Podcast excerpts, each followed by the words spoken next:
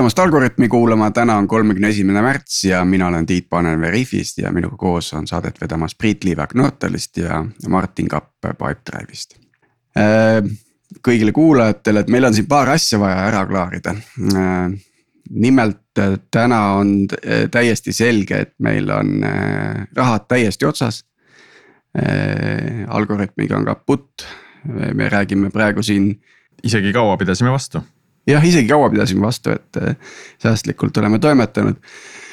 et tõenäoliselt on Algorütmi e-, viimane episood eetris. Äh, ja, ja nüüd, kuidas me siit edasi liigume, ainuke võimalus, mis me näeme, on, et peaks nagu ise raha tõstma.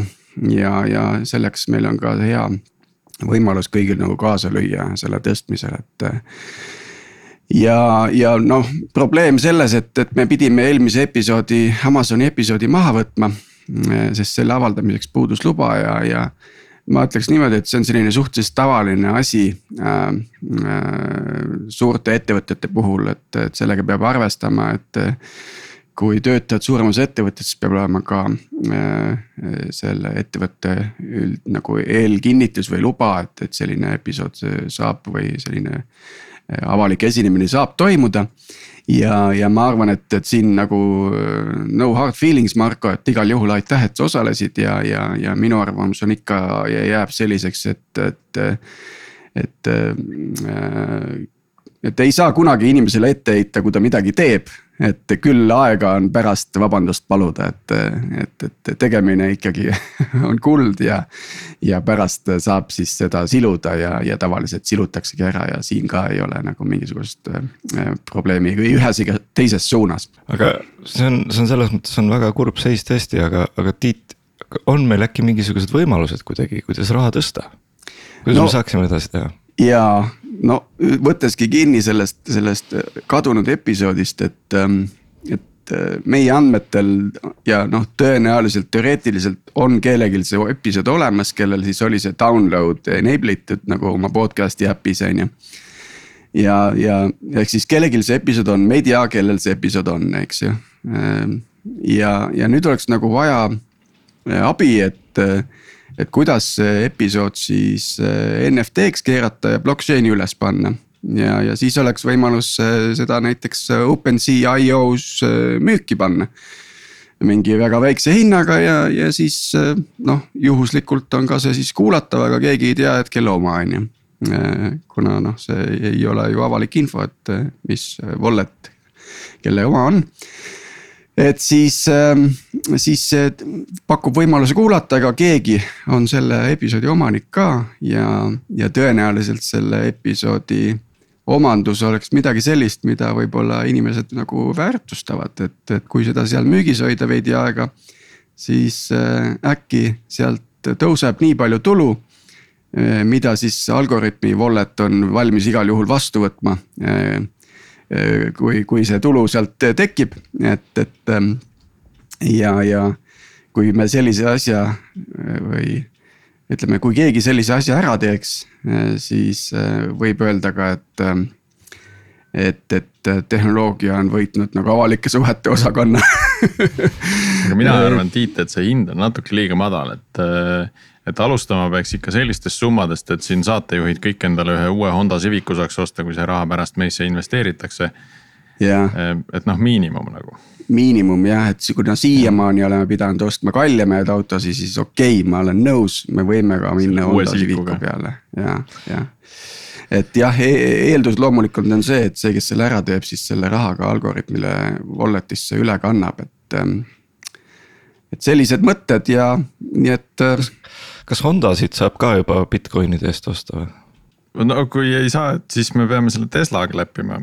No, okay. Sa, saame hakkama. Okay.. aga kuniks see algoritm uue omaniku leiab, et siis seniks me mõtlesime tegeleda kaunite kunstidega. ja see nädal äh, loeme teile koodiluulet, võib-olla järgmine nädal, äh, kui vähegi investeeringuid tuleb, et siis, äh, siis näitame koodikunsti muul kujul. Ja tänaseks oleme plaaninud kakssada seitsekümmend rida koodiluulet ja alustame siis nelja reaga Mike Heatoni sulest. T võrdub null. While true colon uus rida, tabulatsioon, print, algavad sulud, algavad jutumärgid. Nothing lasts forever, punkt. jutumärgid lõpevad, lõpevad sulud, uus rida, tabulatsioon, T pluss võrdub üks. väga tiipkas pole. Tiit, mida sina arvad sellisest äh, kaunist neljast reast? see on tõenäoliselt parim viis, mis me seni oleme suutnud produtseerida, mis puudutab algoritmi kasutamist magama jäämiseks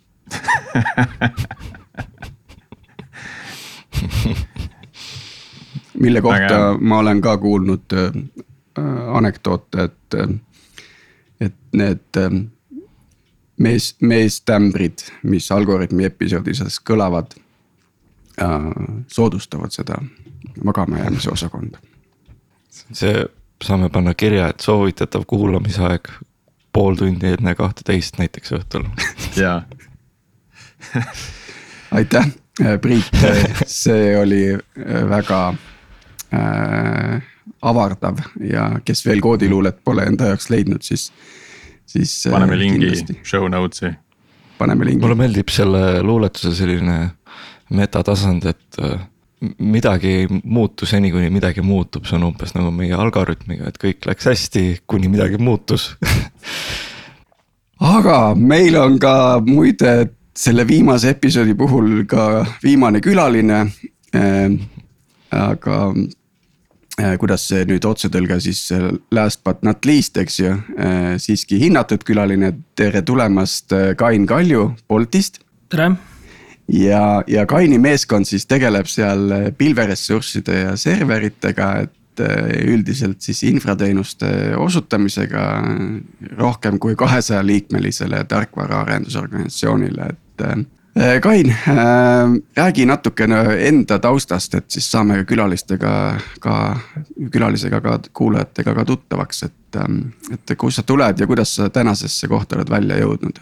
ma Linuxiga tegin esimest korda tutvust umbes kakskümmend viis, kakskümmend kuus aastat tagasi, sealt sellest ajast saadik ma olen äh, miskit pidi alati mingisuguseid masinaid hallanud Äh, enamuse omast karjäärist olen ka tarkvara arendanud, siis valdavalt küll mingisuguseid äh, kindlaid projekte, mitte äh, siis klientidele tarkvaraarendusettevõttes. üks võib-olla tuntud projekt on neti.ee, mida sai minevikus tehtud Eesti Telefonis, Elionis, Telias. vägev, seda, seda teavad küll kõik. ja siis äh, sa siis, äh, kui M-takso või Taxify sai alguse, siis äh, ühest varasemast projektist olin tuttav ühe asutaja CTO-ga äh, ja siis me sattusime oma kolleegiga siis tolleaegsesse Taxify'sse, kus meile anti üles, üle üks virtuaalmasin, öeldi, et palun, siin on üks meie esimene server, hakake seda palun haldama ja sealt see nii-öelda Bolti karjäär lahti läks ehk et ma olen siis viimased seitse pluss aastat äh, Boltis olnud ja kogu seda nii-öelda arendust või arengut äh, serverite poolelt näinud ja, ja suures osas ka ise käed külge löönud ja, ja seda arendanud mm., kaasa arvatud ka siis Ansiblet. kas, kas ma eksin, aga minu arust Telia müüs neti ära nüüd hiljuti või? Minu teada on see nii-öelda ostu-müügi protsess seal hetkel pooleli, et ja, aga, okay. aga ta läheb jah Postimehele. Postimees hakkab teda haldama, sest Telia, ma saan aru, et otsustas Rootsi poolt, et äh, hea oleks loobuda kõikides riikides, kõikidest nendest äh, pisiteenustest, mis ei ole otseselt seotud telekomiga ja mis ei skaleeru üle kogu nende siis organisatsiooni. et see oli see motivaator aga sa juba mainisid selle sõna Ansible ja tänane, tänane episood ongi Ansiblest, et äh, äh, alustame kohe sellega, et äh, mis on Ansible? ma ütleks, et Ansible erinevalt siis Jeffist, Puppetist ja SaltStackist ei ole süsteem, aga ta on üks selline väga vahva tööriist et kindlasti kõik, kes on äh, serveri ja võrgu poole kokku puutunud, nende üks selline igapäevaseid tööriistasid on näiteks Netcat või siis, kes on minevikus kokku puutunud, äh, siis äh, high performance computing uga, mida kasutatakse teadusmaailmas, kus sul on suur arvuti kokku pandud tervest suurest klastrist väiksematest arvutitest, siis selles maailmas vanasti kasutati sellist tööriista nagu parallel shell.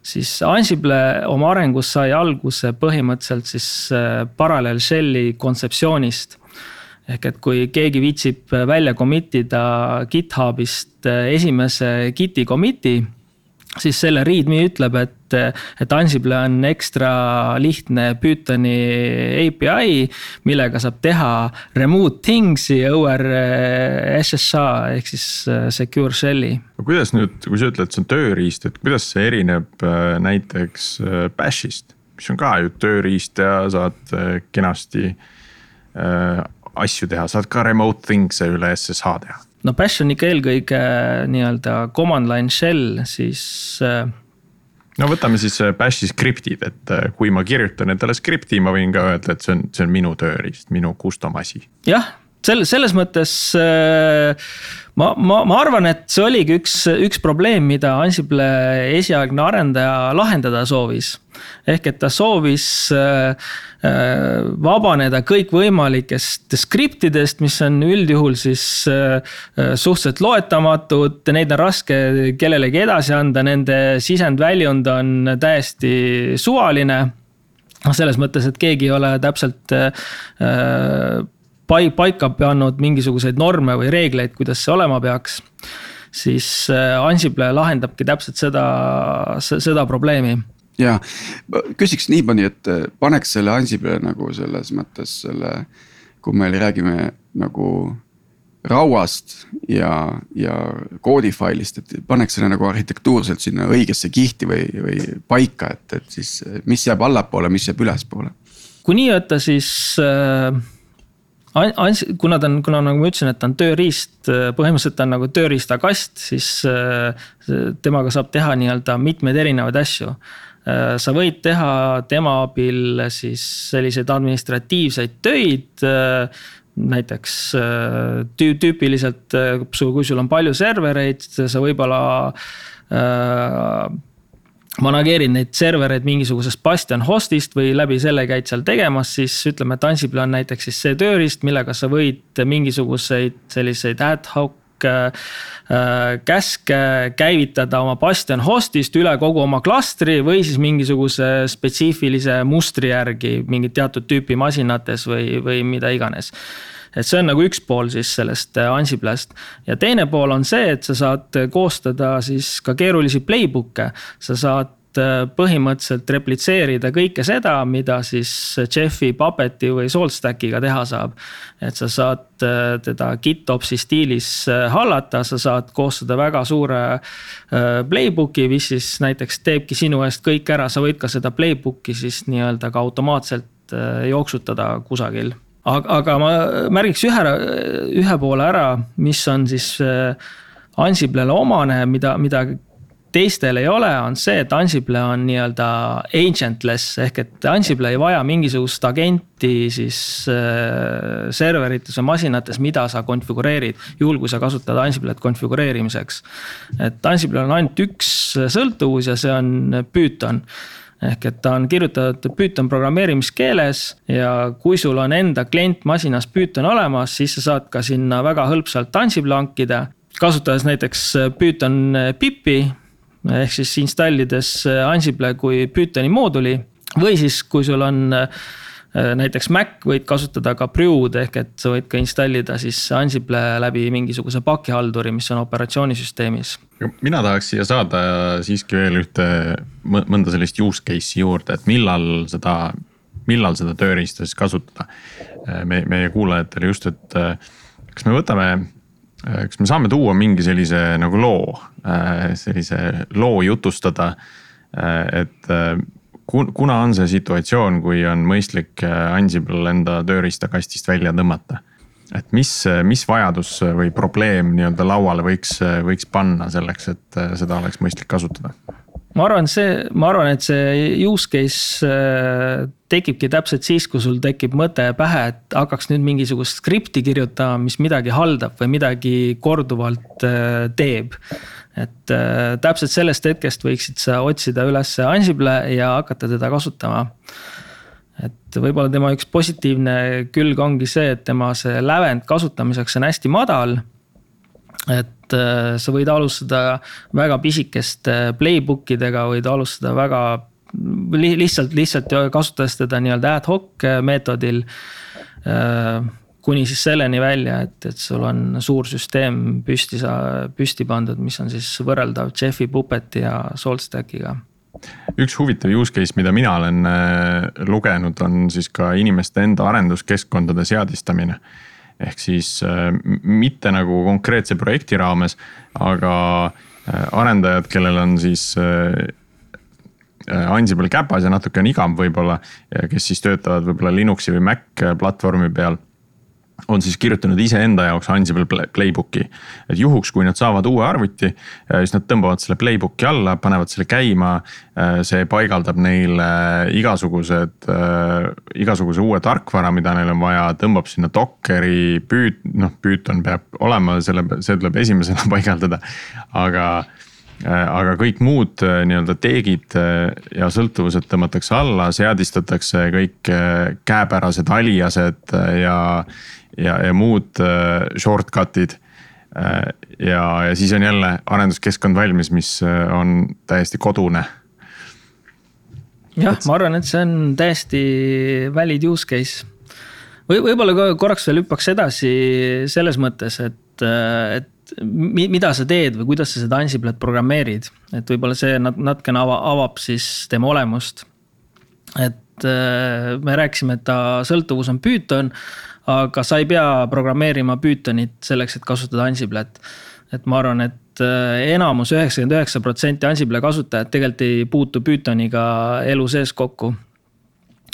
et äh, siis formaat või siis keel, milles sa deklareerid neid protseduure, mida sa läbi viia soovid, on tüüpiliselt YAML et sisemiselt äh, Ansible kasutab küll JSON-it äh, erinevate moodulitega suhtlemiseks, aga JSON ei ole väga inimsõbralik selles mõttes, et äh, et teda on natuke raske tekstiredaktoriga võib-olla redigeerida, kui ta väga suureks läheb et treppimist ja kõik muud sellist äh, ohjata. aga YAML on selles mõttes tunduvalt siis inimsõbralikum. Ja teine on äh, tüüpilised äh, Windowsist tuntud inifailid. et või, või võib-olla ka kiire, kiire nii-öelda ülevaade sellest, et, et okei okay,, mul on siis Ansible. et kuidas ma siis seda nii-öelda kasutan, kui mul on näiteks äh, mingi hulk erinevaid masinaid või ressursse, mille ma sellega konfigureerida soovin. et äh, ma mainisin, et äh, minevikus kasutati parallel shell'i. ja parallel shell'i üks äh, konfiguratsiooni osa oli nii-öelda genders fail, kus sul oli kirjas, millised serverid mul seal klastris siis on. võib-olla mingisugused parameetrid nendele serveritele ja, ja muu selline. siis Ansible siis sellises workflow's on üks oluline asi on inventory. ehk et Ansible peab teadma, äh, kuhu või kelle vastu me neid äh, toiminguid teeme. ja see inventory on tüüpiliselt siis äh, ini stiili, ini failina.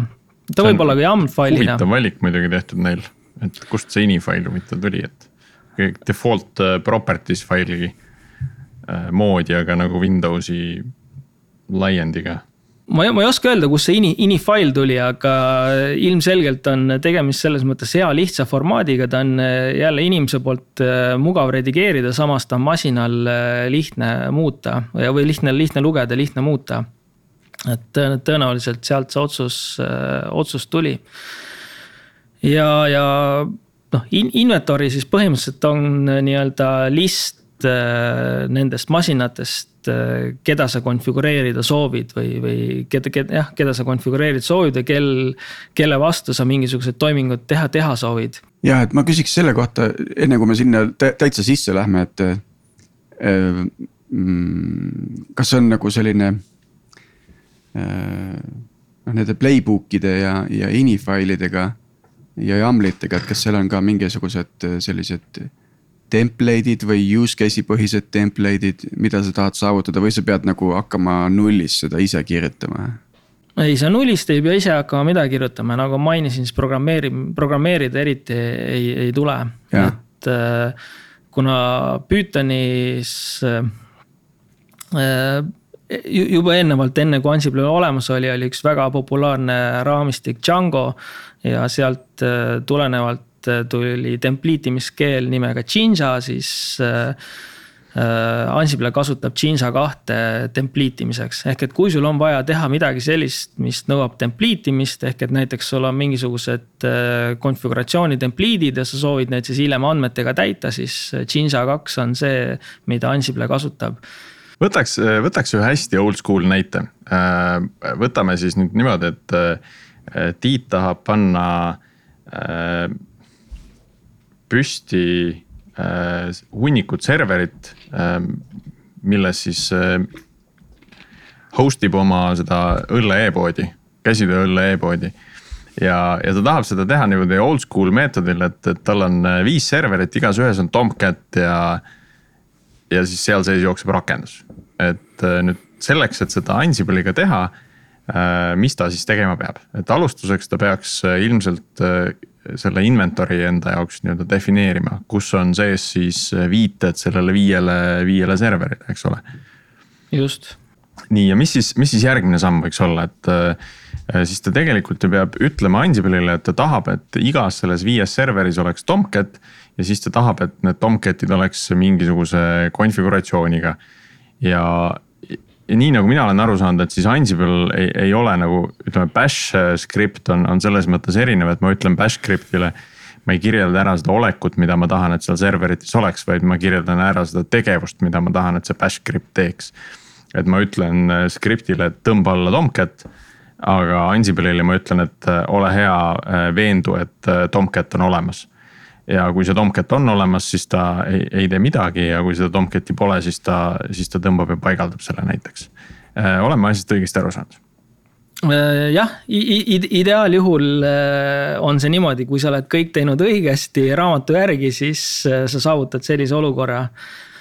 ehk et selles mõttes, kui me teeme võrdlusse näiteks Terraformi ja, ja Ansible'ga selles mõttes, et mõlemaga saab teha samu asju, et ka Ansible'ga võid äh, nii-öelda täiesti nullist äh, püsti lasta kogu pilveteenuse infra. selles mõttes kõik, kõikvõimalikud asjad, mis sul seal pilves vaja on äh, S3-e paketid, IAM policy'd ja mis iganes. et see, seda kõike võid Ansible, Ansible kallata.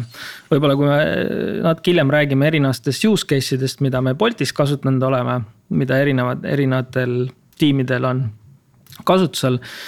siis äh, Ansible ei sea, ei sea sulle nagu otseselt mingeid reegleid, et sa pead siis tegema seda kindlasti nii, nii sellisel viisil või, või teistsugusel viisil aga siis äh, see, tulles tagasi siis selle nii-öelda õlletehase näite juurde, siis äh, äh, jah, kuna Ansible on erinevalt siis, kui Terraform on deklaratiivne, kus sa deklareerid, et mida ma tahan kõik saada, siis Ansible on sarnane nagu programmeerimiskeele nagu funktsionaalne programmeerimiskeel või protseduuriline programmeerimiskeel. kus sa defineerid, mida ma tahan teha ja, ja, ja need midagi, mida sa siis teha tahad, need on siis äh, näiteks võrreldavad äh, bash'i skripti funktsioonidega, et oletame, et sa oled teinud endale väga vinge library äh, bash'i kus siis library's on terve hunnik igasuguseid funktsioone, mis siis teevad midagi, näiteks üks funktsioon installib Java STK, teine funktsioon installib siis Tomcati, kolmas funktsioon installib siis sulle konfiguratsiooni sinna template'ist näiteks. Äh, neljas laeb näiteks sinu enda kit'ist äh, siis selle äh, sinu koodi alla ja, ja nii edasi. aga siis... need on ikkagi keskmisest nutikamad funktsioonid, eks ole, see, mis noh, et seal näiteks on ka ju need kontrollid juba sees, et kui see konfiguratsioon on olemas, et siis ta ei tee midagi, eks ju, või et sa saad talle anda parameetrina kaasa, et mis ta siis sellisel juhul tegema peaks jah, et see, see ongi see, kuhu ma nagu jõuda soovisin, et äh, siis Ansible nii-öelda kontekstis on selline funktsioon nii-öelda task.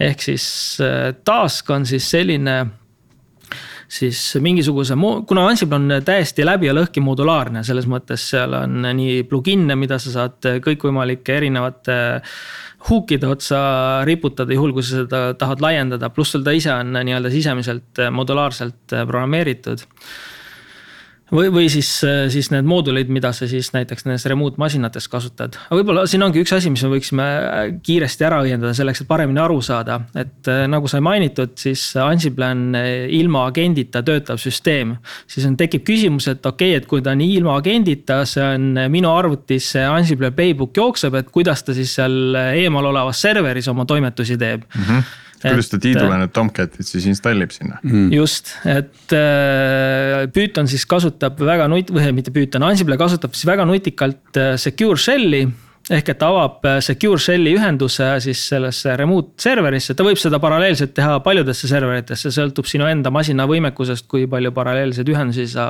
hoida saad, see on kõik konfigureeritav täpselt sinu enda maitsele Äh, avab siis Secure Shell'i ühenduse ja need moodulid, mida mainitud said, need moodulid on programmeeritud sellisel viisil, et need on äh, üksik binary'tena töötavad.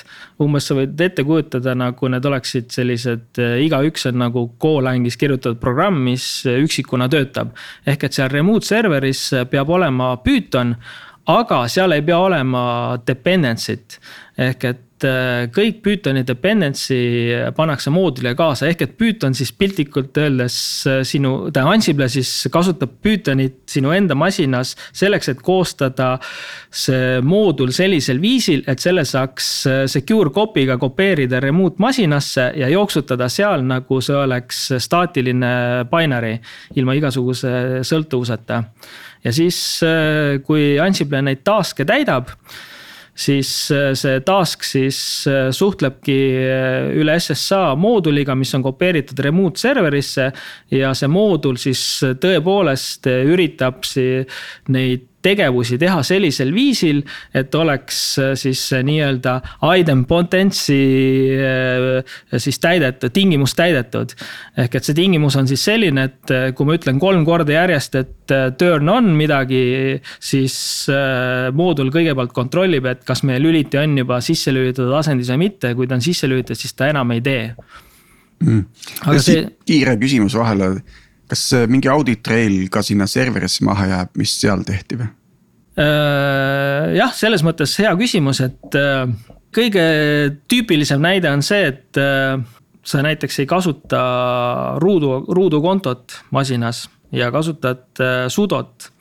siis sellisel juhul jäävad automaatselt kõik sinu jookstud siis käsud logisse ehk et kuna sudo logib kõike, mida sa seal masinas tegid, siis sellest jäävad ka kõik masin, kõik jäljed masinasse teine, teine on see, et, et sa ise näed, mida sa tegid selles mõttes, et sulle antakse tagasisidet siis et kuidas see task jooksis, et kas ta tegi ära või ta, või ta ei teinud ära või ta fail'is üldse.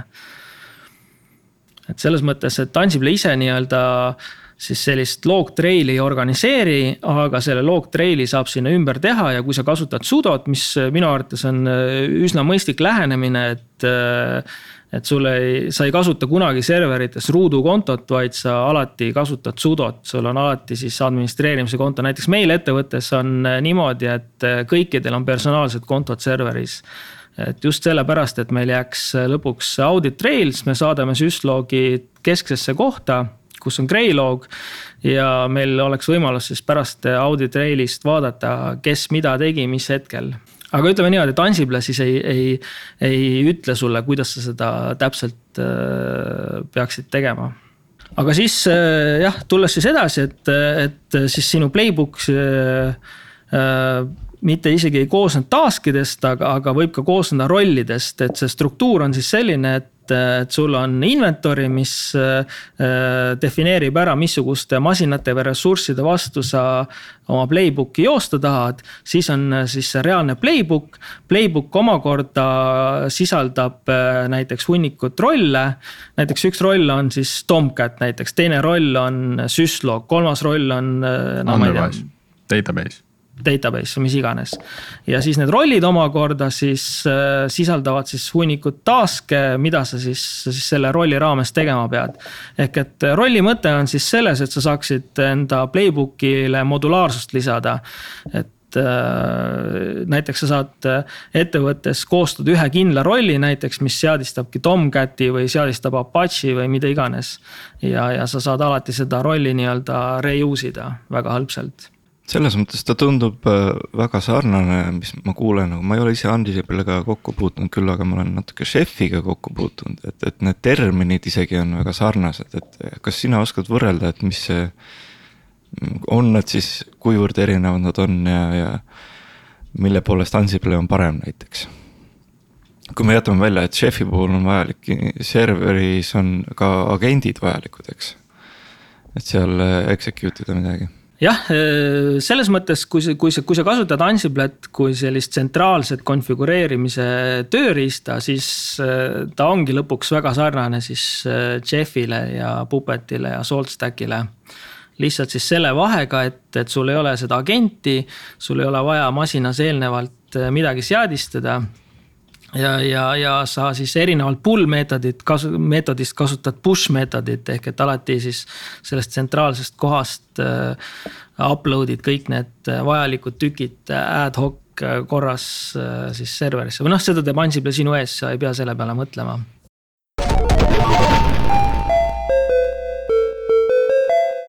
See valik natukene sõltub ka sellest, milline on siis see võrgu struktuur, eks ole, et kas see push on üldse võimalik teatud juhtudel äh, need sihtkohad võivad olla äh, piisava kaitse taga, et nad pääsevad ise võrku ja nad saavad seda pull'i teostada, aga võib-olla sinna ei ole nii hõlbus seda push'i teostada.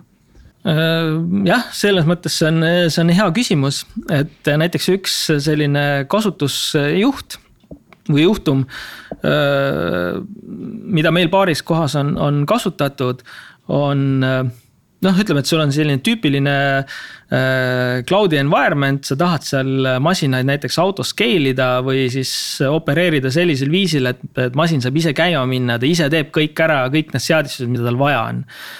Et äh, kui sul on selline pull meetod, siis ilmselt äh, äh, sul, sul ei ole probleemi registreerida ennast selle master'i juures ära ja, ja tõmmata kõik vajalikud konfiguratsioonid alla, aga kui sul seda ei ole siis seda abistavat serverit, siis üks võimalus on panna Ansible sellesama masina sisse, mis käima läheb.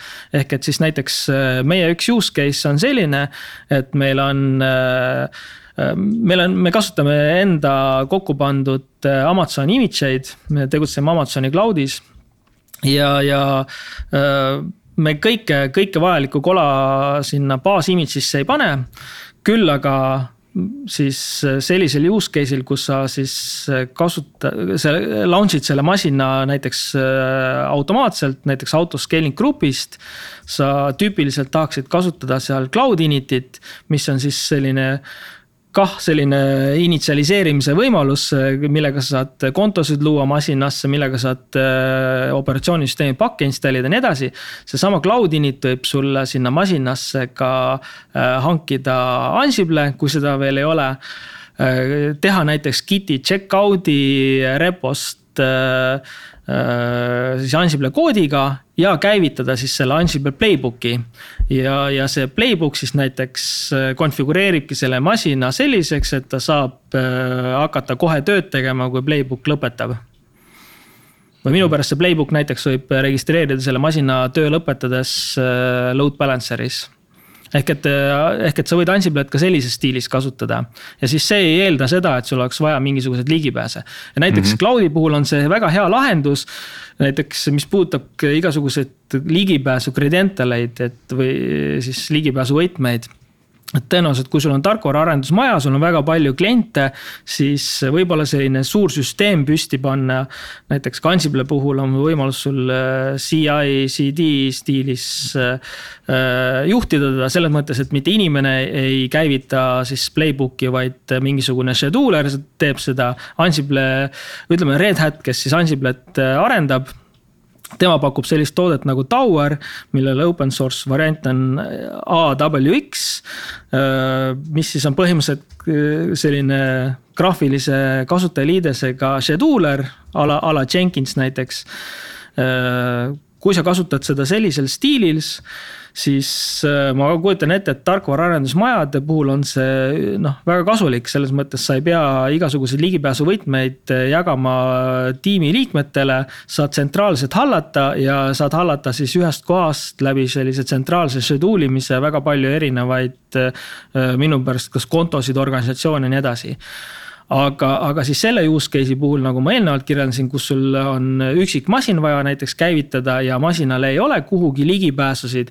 siis äh, selline viis panna Ansible masina sisse on ülihea, näiteks cloud'i puhul eriti, kus sa saad anda masinale ka rolli. ehk et masin saab mingisugused ligipääsuvõtmed rolli kaudu, mitte sa ei pea kuhugi kettale salvestama neid võtmeid tegelikult see oligi asi, mis mind väga ka nagu huvitas, et, et, et noh e, võib-olla need, kes ei ole väga veel kokku puutunud, aga, aga need, kes kindlasti on rohkem, need, need juba teavad, et.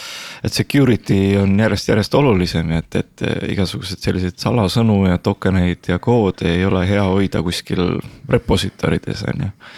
et kuidas, kuidas on nagu hea praktika, ütleme niimoodi, et kes tahaks ka võib-olla õppida seda, et, et millest alustada, et kuidas ma, kuidas ma võtan need võtmed välja, aga niimoodi, et nad jääks, et ma saaks neid skripte uuesti kasutada. kuidas see Ansiblega käiks? Äh, meie kasutame Ansiblet ja Terraformi selles mõttes äh, samasuguste reeglite järgi ja meie reegel on see, et meil ei tohi olla võtmeid salvestatud kohalikule kõvakettale, vähemalt mitte nii-öelda lahtise tekstiga kuhugi failidesse mis tähendab siis seda, et äh, me alati inject ime või noh, siis jah, inject ime need võtmed äh, shell'i environment'i. sellisel viisil, et need history'sse loomulikult ei satuks ja, ja Ansible siis võtab need võtmed äh, shell'i environment'is täpselt samamoodi nagu ka Terraform seda näiteks teeks ja, ja see puudutab äh, niisiis neid võtmed, mida sul on vaja selleks, et äh, cloud'i API call'e teha. kui ka näiteks siis Ansible enda võtmeid, sest Ansible ise sisaldab äh, sellist asja nagu Vault. ehk et Ansiblel on nii-öelda siis failide krüpteerimine sisse ehitatud, et näiteks Äh, täiesti tüüpiline use case on selline, et sul on veebiserver ja seal on vaja seadistada sul veebiserveri key ja sertifikaat, siis äh, mõistlik oleks see key nii-öelda ära krüpteerida, enne kui sa Git'i commit'id selle projekti.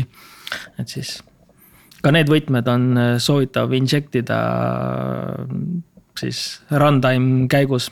või siis, äh, kui sa tunned ennast väga turvaliselt, sul on kõvakettes krüpteeritud, su laptop kunagi sinu silmist ära ei kao, noh siis sa võid loomulikult ka tekstifaile kasutada mm,. sellist, nii turvalist keskkonda pole olemas sa ei tohi nagu eeldada, et sa oled piisavalt turvalises keskkonnas, sa pole kunagi piisavalt turvalises keskkonnas no just nagu... me, meie ka seda eeldame, et, et see nii ei ole, siis me kasutame AWS-i puhul AWS Vault'i või siis One Password'i, kus on väga lihtne siis neid äh, võtmeid jooksvalt võtta ja Ansiblile edastada. nagu see turvalisus kodukontorites, eks ole, et see, ma hoian läpakat ainult kodus, eks ole, et midagi ei juhtu sellega. aga siis tuleb äh, mõni väike laps, kes lihtsalt tuleb, toksib suvalisi nuppe sul arvutis ja järsku on sul midagi muutunud. see on nagu see anekdoot oli Linuxi screensaver'iga, kõige turvalisem screensaver, mis kaitseb su shell'i.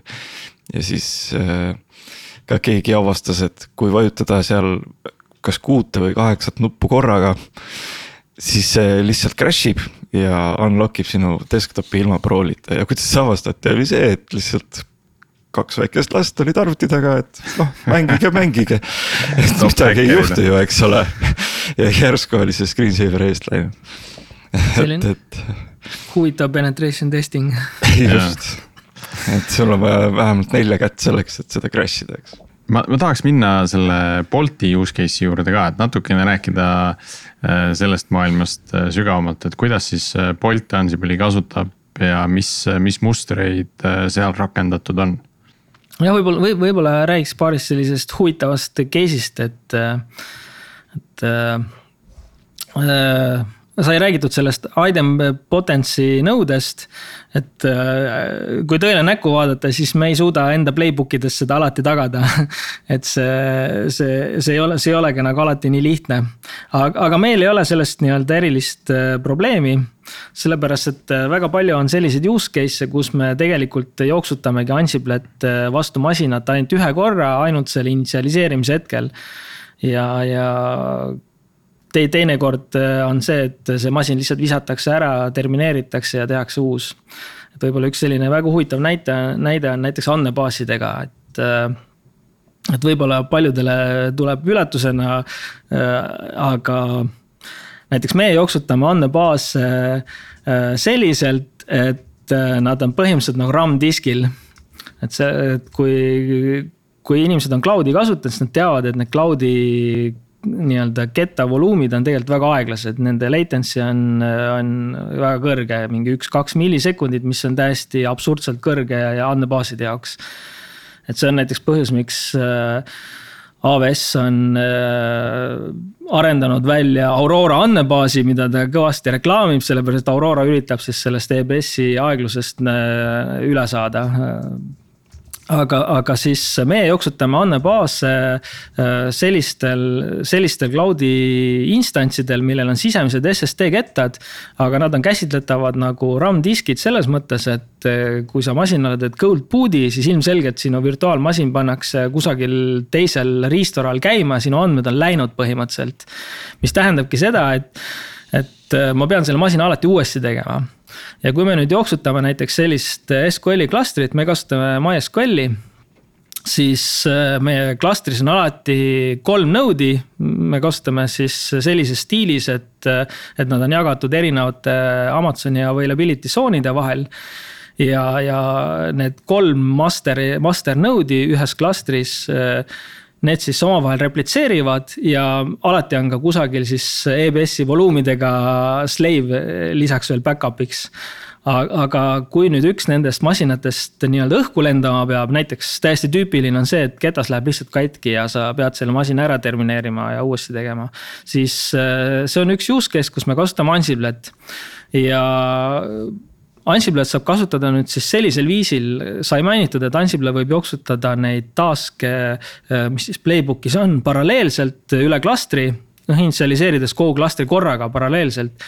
Äh, Ansible's on ka võimalus öelda, et äh, jooksuta ühte task'i ühes kohas, teist task'i teises kohas. ja selleks, et siis sellist olukorda, kus on vaja masin taastada seda päris automaatselt äh, me ei ole suutnud teha, seal peab ikkagi natukene inimene ka juures äh, viibima. aga selleks, et see lihtsaks teha, et sa ka unise peaga keset ööd äh, seda teha saaksid, siis on üles pandud üks Bastion host, millel on piisavalt ligipääsuõiguseid läbi masina rollile. ta jooksutab siis seal Ansible Playbook'i, mis seadistab siis uue masina ja orkestreerib ka andmete kopeerimise siis naabermasinast. Et me kasutame seal näiteks sellist trikki, et sai mainitud sellist tööriista nagu Netcat. et andmed kopeeritakse üle Netcatiga ehk et Ansible paneb püsti põhimõtteliselt nii-öelda toru kahe masina vahele kus ühest, ühelt poolt hakatakse stream ima andmeid ja teiselt poolt võetakse neid vastu. ja, ja kui see playbook on lõpetanud, mis võib, mis võib isegi joosta teatud juhtudel äh, mitu tundi, kui on suurema andmebaasiga tegemist siis äh, ta suudab äh, nii-öelda kogu selle pendeldamise mitme masina vahel ilusti ära organiseerida niimoodi, et kui playbook lõpetab, siis on meil klastris tagasi töötav uus masin et see on siis selline huvitav use case et ma, ma ei kujuta ette, kas äh, SaltStacki või, või Puppeti ja Jeffiga midagi sarnast äh, keegi teeb. aga Ansible maailmas on see üsna nii-öelda tavaline olukord. see on tõesti äge use case, mulle väga meeldib. see baasi setup on ka kindlasti väga huvitav äh, kuulamine paljudele, et see on, see on äge lähenemine, kuidas siis pilvemaailmas seda äh, performance'it tõsta juba nii-öelda ole, olemasolevate baasimootoritega, ilma et peaks Aurorat hakkama ostma, mis äh, äh, suuremate paigalduste puhul ei ole üldse mitte odav jah, teise use case'i ma tooks sellise, et meil on siis EDCD klaster. Et me kasutame EDCD-d nii service discovery'ks kui ka service mesh'i lukus, lukkude nii-öelda handle imiseks, kuna EDCD pakub väga head atomic lukustamise mehhanismi ja, ja siis ka teatud siis nii-öelda võtmete siis levitamiseks. ühesõnaga võtmete roteerimiseks ja see cluster, production cluster on meil püsti pandud umbes, ma ei tea, neli-viis aastat tagasi ja ta on katkematult töötanud äh, katkematult selles mõttes, et teda ei ole kunagi nii-öelda pidanud nullist uuesti tegema. Äh, masinate sees on samamoodi Ansible sarnases stiilis, nagu ma kirjeldasin Cloud Initiga seal antud juhul ka ta küll ei käivitata cloud init'ist, aga siis äh, masina enda operatsioonisüsteemi init'i poolt nagu service käivitamise hetkel ja siis case on siis selline, et näiteks äh, veel mainin ära, et see, et meil EDCD jookseb ka RAM-ist, aga nüüd antud juhul nüüd jookseb ta päriselt RAM-ist. Selles mõttes, et EDCD back-end'iks ei saa kuidagi EBS olla meie voluumi juures, me teeme nii palju transaktsioone sekundis, et äh, EBS lihtsalt ei veaks välja EDCD jookseb siis samamoodi äh, RAM-ist. nüüd, kui üks klastri äh, node fail ib või siis on vaja näiteks teda upgrade ida, kasvõi näiteks EDC kahe instantsi on vaja muuta suuremaks näiteks. siis äh, sellise muutuse saab läbi viia rolling stiilis, restart ides ükshaaval klastri nõude. ja see playbook, mis on siis masinasse istutatud, see playbook teeb seda, et ta taastab siis membership'i klastris ehk et äh, kes on ETCD klastritega kokku puutunud, siis äh, kui sa kaotad ära ETCD nii-öelda andmed, siis põhimõtteliselt sa oled kaotanud ära ka membership'i. ehk et tegelikult äh, nüüd oleks vaja teha selline protseduur, et sul on vaja vana membership ära kustutada ja uus luua. ja vot see on asi, mida siis antud case'i puhul Ansible selle masina sees käivitamise hetkel orkestreerib täiesti, täiesti automaatselt selline masinasse istutamine on, on ka nagu äh, äh, huvitav use case ka selles vaates, et äh,. et kui me vaatame ka neid image eid, ükskõik mida, mida pilve äh, platvormidel kasutatakse või, või siis ka mida Dockeris kasutatakse. et siis äh,, siis sa saad selle nii-öelda ühe konkreetse state'i ja, ja see on sageli see väärtus, mis sa, mida sa ootad. et sul on üks stabiilne state, sa tead, millal sa saad sealt. aga Ansible annab selle võimaluse, et kui see, kui see state nüüd äh, üles tuleb. et siis sa saad äh, teatud uuendused äh, ära teha, mingit moodi selle masina täiendavalt provisioneerida, kuskile keskkonda siduda. või tõmmata alla kõige värskema koodibaasi näiteks enda, enda rakenduse või mooduli jaoks, on ju noh, mis siis annab selle võimaluse, et sa võid lihtsalt boot ida neid masinaid järjest ja nad eh, värskendavad ennast, värskendavad ennast ise automaatselt ära. Kain, mul on selline küsimus, kuulasin sind süvenenult, et mul tekkis nagu vähemalt mulje, et, et, et tegelikult teil on nagu üht, ühelt poolt on need nõuded on nagu hästi karmid nagu performance'ile ja, ja redundancy'le ja nii edasi. et ähm, Äh, kas, kas sa täna teeksid midagi teistmoodi, kui sa viimase seitsme aasta jooksul oled nagu pidanud tegema, et tänaste teadmiste valguses võtaksid sa midagi teistmoodi ette? ma ei tea, isegi, isegi vist ei võtaks, võib-olla andmebaaside poole pealt äh, me tõenäoliselt võiksime alustada nii-öelda Vitessil üleminekut varem et me oleme natukene andmebaasidega jännis selles mõttes, et meil on andmebaasid liiga suured ja, ja. Ja me oleme absoluutselt kõikvõimalikud sellised nii-öelda mõistlikud limiidid ületanud, et kui meil poisid käivad konverentsidel ja nad julgevad mainida, et jah, et meil on siin kaheterane tabel kusagil siis, siis selle peale pööritatakse silmi, öeldakse, et kuule, et mõistlik üle viiesaja giga ei ole. Et, et see, see on see, mida me võib-olla oleksime pidanud varem nii-öelda tegema hakkama, et, et andmebaaside poole pealt Vitessile üle minema, aga mis puudutab Ansiblet, siis siin ma ei oska küll mingisuguseid selliseid näiteid tuua, kus midagi oleks tahtnud totaalselt teistmoodi teha. et mulle tundub, et me oleme täiesti sellise loomuliku evolutsiooni läbinud. et et kõik, kõik, kõik faasid läbi teinud, nii, nii väikeste eksimuste faasi kui ka siis sellise nii-öelda õnnestumiste faasi. Aga sellega seoses, et ma tahtsin küsida lihtsalt, et kuidas, et Ansiplega ilmselt upgrade imine ja süsteemide uuendamine vastavalt ajale ja vajadustele on, on ka, kujutan ette, et, et küllalt noh, lihtne. Eks ole, aga. sa mõtled siis sellise underlying, ütleme all oleva operatsioonisüsteemi uuendamine? ja et, et kui on ikkagi süsteem areneb, ta kasvab, tal on arhitektuuris võib-olla tekivad väiksed muudatused, et siis nagu läbi nende playbook'ide neid muudatusi sisse viia ilmselt on, on väga mõistlik, eks. aga sellega seoses on, et iga muudatus ju tegelikult võiks sisaldada ka testimist, et kas. jaa, ma just tahtsin näiteks... testimise juurde jõuda, ma loen, loen mu mõtteid samad mõtted siis jah, et, et kas teie näiteks Ansible playbook'e testite ka kuidagi? Äh, jah, selles mõttes, et äh, meil inimesed kasutavad erinevat lähenemist, et äh, kuna mina tavaliselt valmistan playbook'e nii-öelda, mis teevad siis selle nii-öelda Amazoni masinaga midagi, siis minu tavaline stiil on see, et mul on, on väike playbook, mis paneb spot instance'i käima ja, ja mul on see inventory's olemas, ma hakkan vastu seda töötama.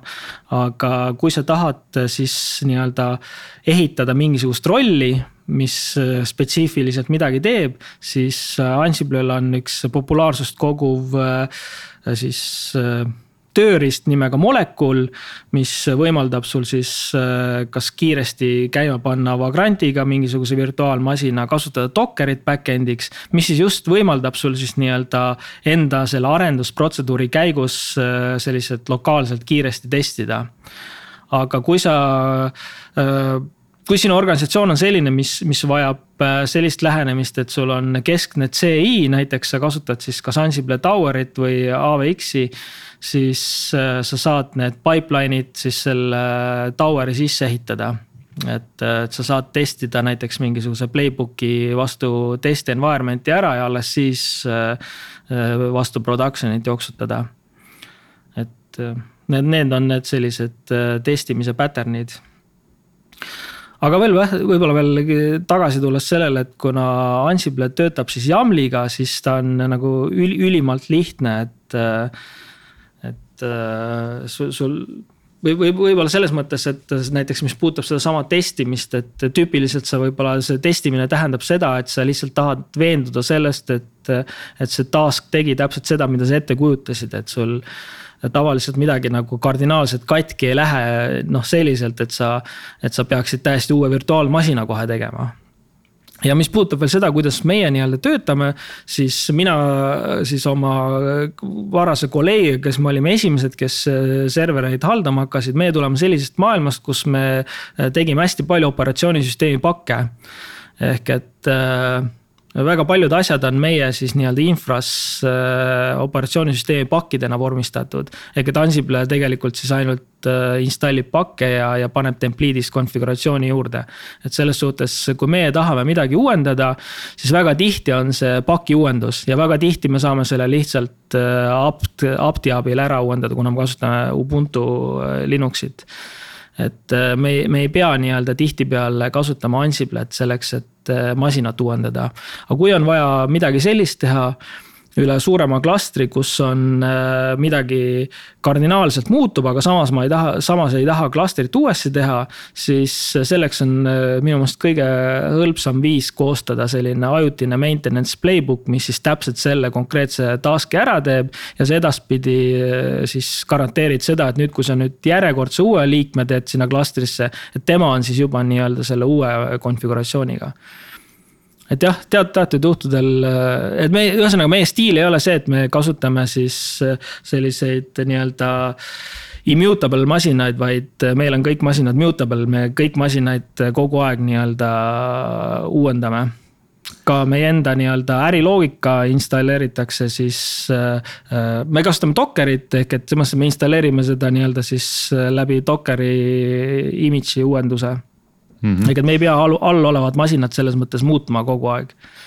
Show notes'i ma vaatan, et äh, sa oled veel kirja pannud selle, et te kasutate Giti monorepot, et äh, ava veidi selle taustu, tausta ka, et, et noh, see Ansible'i erinevate playbook'ide jagamine erinevatesse repodesse äh, võib olla challenge, äh, et monorepo tundub äh, nagu hõlbus viis, kuidas sellele probleemile läheneda, aga kas selle tulemus ei ole see, et, et teil on üks selline massiivne Ansible'i repo, kus, kus samamoodi on raske asju üles leida Äh, jah, monorepo eelis on näiteks kasvus see, et sul on palju hõlpsam äh, nii-öelda jagada koodi, sul on palju hõlpsam ka vaadata, mida su tiimikaaslased teinud on.